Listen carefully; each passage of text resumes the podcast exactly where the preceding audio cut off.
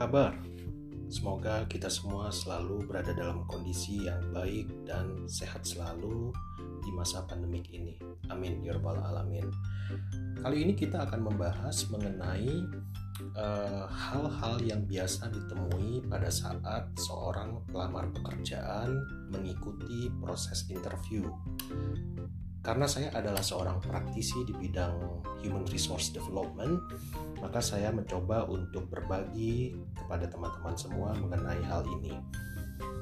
Pada saat uh, seorang kandidat diundang untuk mengikuti sesi interview, baik offline atau face to face maupun melalui Zoom yang sekarang banyak dilakukan oleh HRD HRD perusahaan, mereka selalu menyampaikan beberapa pertanyaan yang sifatnya sangat susah untuk dijawab oleh si kandidat.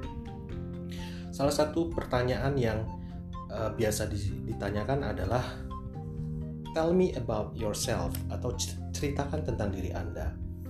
Nah, sekilas ketika seorang kandidat ditanyakan pertanyaan ini, maka kandidat akan menjawab panjang lebar mengenai personal data, kehidupan keluarga, kehidupan pribadi, dan seterusnya, dan seterusnya.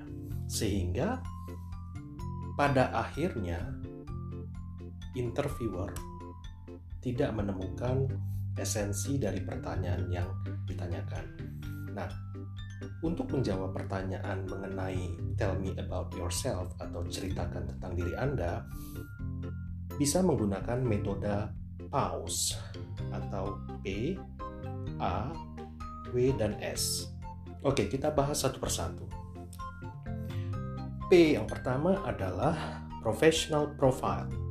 Nah, di sini kandidat bisa menyampaikan informasi-informasi yang berhubungan dengan profil kandidat. Contohnya adalah kandidat bisa menyebutkan namanya, kemudian posisi pekerjaannya di tempat uh, dia bekerja sekarang apa, kemudian tambahkan dengan informasi lain yang berhubungan dengan uh, objektifnya sebagai seorang profesional, kemudian uh, visi dan misinya sebagai seorang profesional. Kemudian yang kedua adalah A. A itu berhubungan dengan academic history. Ketika menjawab ini, kandidat jangan hanya terbatas menceritakan tentang edukasi formal, tetapi lebih baik menambahkan juga dengan informasi-informasi pendidikan yang sifatnya non-formal. Contohnya adalah workshop-workshop yang pernah diikuti, kemudian training-training, sertifikasi-sertifikasi yang tentunya relevan dengan pekerjaan yang di-apply. Kemudian yang ketiga adalah W atau work experience. Nah, di sini kandidat bisa menyampaikan overview mengenai uh, pengalaman-pengalaman kerjanya dari tempat-tempat uh, bekerja di perusahaan-perusahaan sebelumnya. Kemudian yang keempat adalah S atau skill, expertise. Nah, pada saat menjawab mengenai skill atau expertise, highlightlah pada skill-skill yang bersifat teknis atau technical kompetensi dan non-teknis atau soft skill atau soft kompetensi.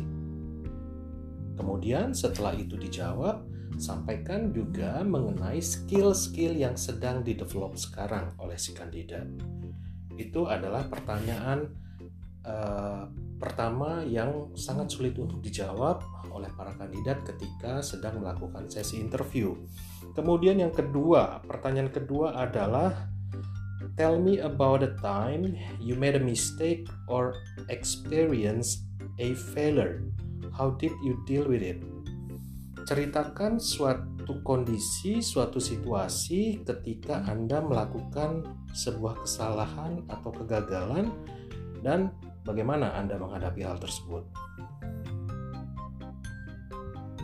ini agak membutuhkan proses berpikir yang lama ketika kandidat akan menjawab hal tersebut karena dia harus merecall kembali merecall kembali an event, a moment, a situation yang pernah dialami uh, sebelumnya. Nah, intinya adalah semua orang pada dasarnya pernah membuat kesalahan. Tinggal si kandidat memilih salah satu pengalaman yang dapat di-share, yang dapat diceritakan mengenai apa yang pernah dihadapi saat itu. Dan pelajaran apa yang didapat dari pengalaman tersebut. Intinya adalah how to bounce from the mistake. Bagaimana kita bisa mengatasi masalah dan bagaimana kita bisa mendapatkan pelajaran dari masalah yang pernah kita handle tersebut. Lumrahnya eh, bisa menggunakan mencara menjawabnya bisa menggunakan metode STAR. Ceritakan situasi saat itu seperti apa, kemudian tasnya apa yang kita apa, apa yang kita kerjakan, apa yang kita lakukan. Kemudian tindakan apa yang kita ambil dalam bentuk action Kemudian resultnya dari tindakan yang kita ambil apa dan relevankah dengan masalah yang kita hadapi. Seperti itu. Kemudian yang ketiga, pertanyaan yang sulit ujuk untuk dijawab adalah Describe a time you deal with a difficult college and what you did. Jelaskan suatu situasi di saat Anda berurusan dengan rekan kerja yang sulit dan apa yang Anda lakukan. Sama dengan pertanyaan yang kedua tadi, recall kembali sebuah situasi di mana Anda pernah mengalami uh, masalah atau bagaimana Anda pernah menghandle rekan kerja yang dapat dikategorikan sebagai difficult person dan bagaimana Anda uh, manage ketika masalah itu terjadi. Sama juga bisa menggunakan metode STAR. Situation, task, action, result, dan tambahkan dengan relevansinya. Oke, kemudian pertanyaan ke keempat yang uh, termasuk kategori sulit untuk dijawab oleh para kandidat adalah Why did you leave your last job? Mengapa Anda ingin mundur atau ingin mencari pekerjaan dari pekerjaan Anda di perusahaan terakhir. Highlightnya ketika menjawab pertanyaan ini adalah jangan menjelek-jelekan perusahaan sebelumnya. Anda harus jujur kenapa Anda ingin resign, kenapa Anda ingin mundur. Tetap cobalah untuk menyampaikan dengan cara yang positif, misalnya ingin mencari peluang baru, new opportunity ingin mengembangkan diri, ingin mengembangkan karir. Hal-hal positif tersebut bisa Anda sampaikan untuk menjawab pertanyaan why did you leave your last job? Oke. Okay.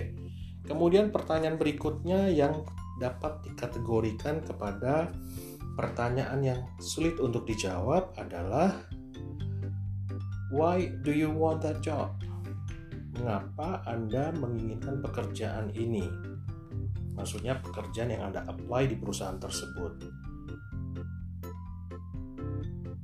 Menjawab pertanyaan ini, Anda jangan hanya fokus kepada diri Anda sendiri, tetapi sampaikan hal apa yang dapat Anda berikan bagi orang banyak dan bagi perusahaan. Kontribusi apa yang bisa Anda berikan dan eh, value apa yang bisa Anda sumbangkan kepada perusahaan ketika Anda bergabung dengan perusahaan tersebut. Itu adalah lima, lima pertanyaan yang biasanya sulit untuk dijawab oleh para kandidat. Cukup sekian, saya rasa eh, episode kali ini. Semoga bermanfaat dan salam sehat selalu.